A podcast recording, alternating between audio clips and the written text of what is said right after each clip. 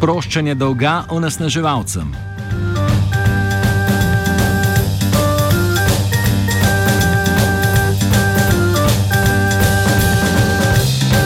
Raziskovalna skupina Corporate Europe Observatory, ki razkriva vplive lobijev in korporacij na politiko Evropske unije, je izdala poročilo o programu strategije kvantitativnega sproščanja Evropske centralne banke. Od junija 2016 Evropska centralna banka v okviru kvantitativnega sproščanja odkupuje obveznice evropskih korporacij z namenom znižanja obrestnih mer, lajšanja dostopa do denarja in posledično, vsaj na papirju, gospodarske rasti. Vendar Evropska centralna banka ne objavlja podatkov o tem, obveznice katerih podjetij odkupuje. Poročilo Corporate Europe Observatory tako razkriva, od katerih podjetij in v kakšnem obsegu je Evropska centralna banka kupila obveznice. Zneski, ki jih Evropska centralna banka vlaga v različna podjetja, ostajajo neznanka.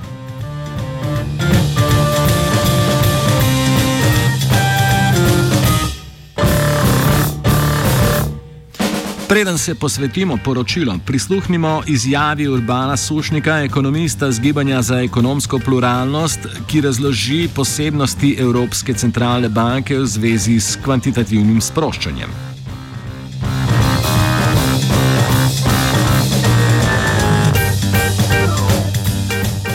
Normalna centralna banka ne, bi ne odkupovala um, obveznice od finančnega ministrstva. Ne se pravi, država jih izda, centralna banka jih kupi na nek način, ne? um, ampak ker je Evropska centralna banka, ni, ni čist navadna banka, zaradi tega, ker je banka uh, neke skupnosti držav, ne? uh, so bile seveda nekatere države, predvsem tiste na severu, z boljšim finančnim položajem, niso bile navdušene nad tem, da bi recimo Evropska centralna banka na ta način financirala Slovenijo pa druge periferne države. Ne? Se pravi, ponavadi je potem zadeva tako delovala, da, pač, da je bilo, da je, če se pravilno izrazim, da je na sekundarnem trgu kupovala eh, Evropska centralna banka a, a, obveznice, se pravi, da so bile najprej že izdane, pa da jih je potem, potem še lahko kupila. A, se pravi, Evropska centralna banka tukaj ne deluje čistko, kot recimo Japonska a, ali pa vse ostale večje, recimo angliška in, in, in ameriški Fed. Um, in, in pač ne kupuje direktno od države teh inštrumentov, oziroma saj ni od začetka, so pa te zadeve, so pa te standarde zelo sprostili, ker so videli, da če se ne, začel, da če se ne bojo začeli obnašati bolj kot, pod, bolj kot ostale centralne banke, a, da, da bo kriza v evroobmočju še toliko večja. No? Da, a, zdaj so te standardi dosti nižji, ne vem pa, v koliko smislu grejo, da dejansko bi pa še prav potem od podjetij naprej, ampak na vsak način pa kupujejo od, od držav, um, dosti bolj direktno, kot so včasno. No.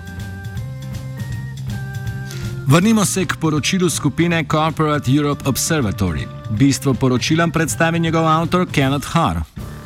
It's a very simple report, really. Since uh, June this year, the European Central Bank has been buying bonds from uh, big corporations in the European Union. You could call it a, a way of giving them cheap loans, but they have never disclosed what companies we're talking about.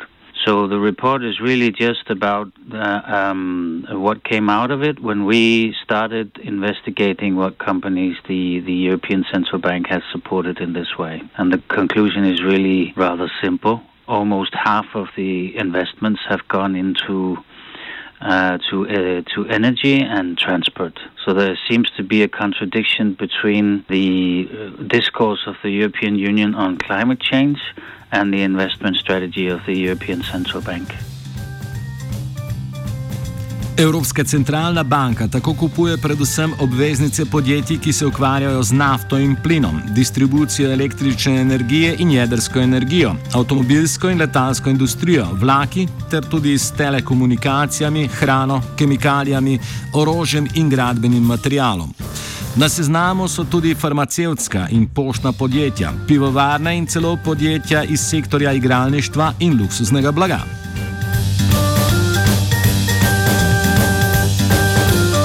Več o spornih podjetjih seznama razloži Har. We, we already talked about climate change, that there is a strong presence of, well, not just energy companies, but big, big oil companies as well. that goes against the discourse on climate change of the European Union. But there are many others. I mean, yeah, I could I could take take for instance um, uh, companies that uh, produce luxury goods. Uh, why would we use public money to uh, to support production of uh, cognac and champagne and very very expensive ladies' handbags?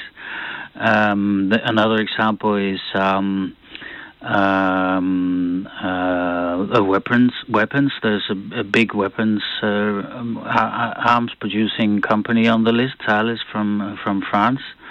Um, there's um, there's a company. There is a there is uh, Ryanair, which is very um, uh, you could say it's an infamous company for its uh, contempt for uh, for labor rights.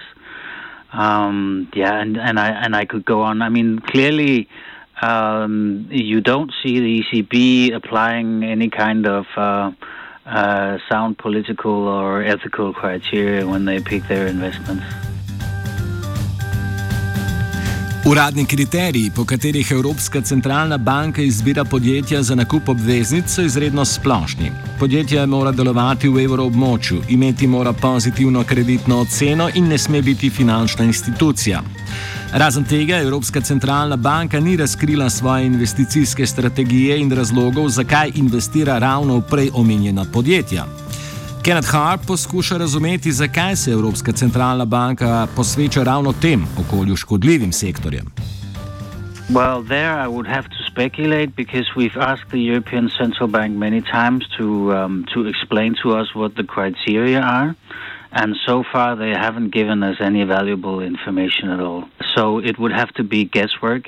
I think perhaps that what the European Central Bank is thinking is that uh, if we put uh, money into some of the um, uh, some of the basic infrastructure of the European economies, then then somehow we will be able to create growth. But we don't know for sure because the European Central Bank is not telling us what is behind their uh, their priorities. V imenu Evropske centralne banke obveznice podjetij kupuje šest nacionalnih centralnih bank: španska, nemška, italijanska, finska, francoska in belgijska. Njihovi portfelji se razlikujejo po sektorjih, čeprav je zaradi odsotnosti podatkov o vsotah investicij nemogoče celostno govoriti o njihovi sestavi. Belgijska centralna banka naprimer vlaga v pivovarne, nemška v domačo avtomobilsko industrijo, francoska banka v podjetja, ki si prizadevajo za privatizacijo vodnih virov.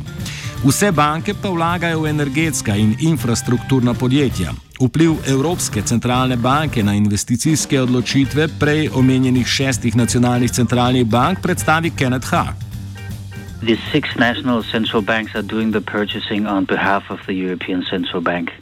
So it's not it's not up to them to decide what sectors should be should be chosen and what companies should be prioritized.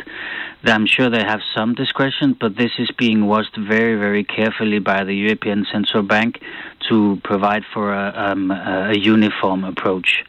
So the European Central Bank, you could say, is the is the leader of the purchases, even though it's done in practice by the national central banks.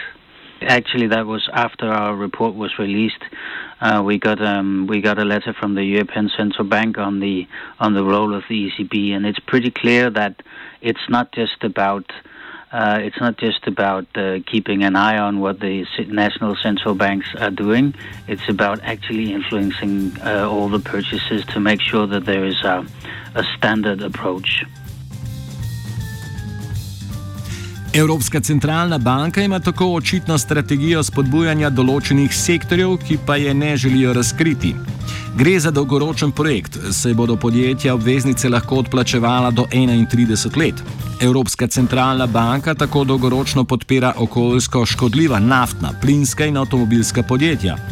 Kenneth Haar nadaljuje s predvidevanjem, kaj bo Evropska centralna banka storila v primeru večje izgube vrednosti kupljenih obveznic. I think uh, the first answer to that is that the, the European Central Bank will do whatever it takes to avoid losing money. And that would that could imply, for instance, that once a, a, company has started benefiting from this program, they will probably be able to uh, to receive even more in the future should they come into into into trouble. There is a strong risk that uh, this will be kind of a, a, a perpetual mechanism that will um, force the European Central Bank to to support even even companies that are not doing doing so well. If if they started losing money after all, then I mean, in the end, the, the bill would end up with uh, with regular citizens. It would be us paying the bill. Program kvantitativnega sproščanja, kot je razvidno iz podatkov o investicijah evropskih centralnih bank, koristile velikim korporacijam.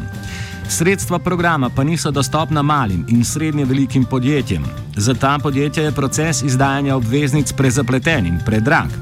Kenneth Hart tako dvomi o smiselnosti tega ukrepa Evropske centralne banke. Typically small and medium-sized enterprises would not have the tradition or the knowledge that would uh, enable them to make use of this program. To, to do to sell a bond on on the European financial markets requires quite a lot of expertise and insight. And uh, SMEs generally, when they um, need money for investments, they go to the bank. It's that simple. So, so when the ECB sets out to support the European economy via bonds, they have already made a choice that they will support the biggest companies in Europe and not the smaller ones. I mean, if you look at who is actually uh, creating jobs in Europe, it would generally be small and medium sized enterprises and not corporations. So, I mean, using using bonds as a way of supporting the um, the um, the eurozone economy seems to be a kind of a misunderstanding uh, uh, from from the outside. At least if if you think that creating jobs is the way forward for the eurozone, that, that's not that does not seem to be what they are doing. Ti ukrepi Evropske centralne banke so tako hkrati v nasprotju z govorjenjem o nujnosti boja proti onesnaževanju okolja, spoštovanju delovskih pravic in v nasprotju z nazori Evropske unije o ključnem pomenu malih in srednje velikih podjetij. O ekonomskih učinkih te politike še ni mogoče govoriti. Učinki bodo vidni šele v daljšem obdobju. Glede na to, da so to dolgoročne naložbe, dane že tako zadolženim evropskim podjetjem, je mogoče, da bo marsikatero podjetje denar porabilo za razdolževanje in ga še dolgo ne bo investiralo.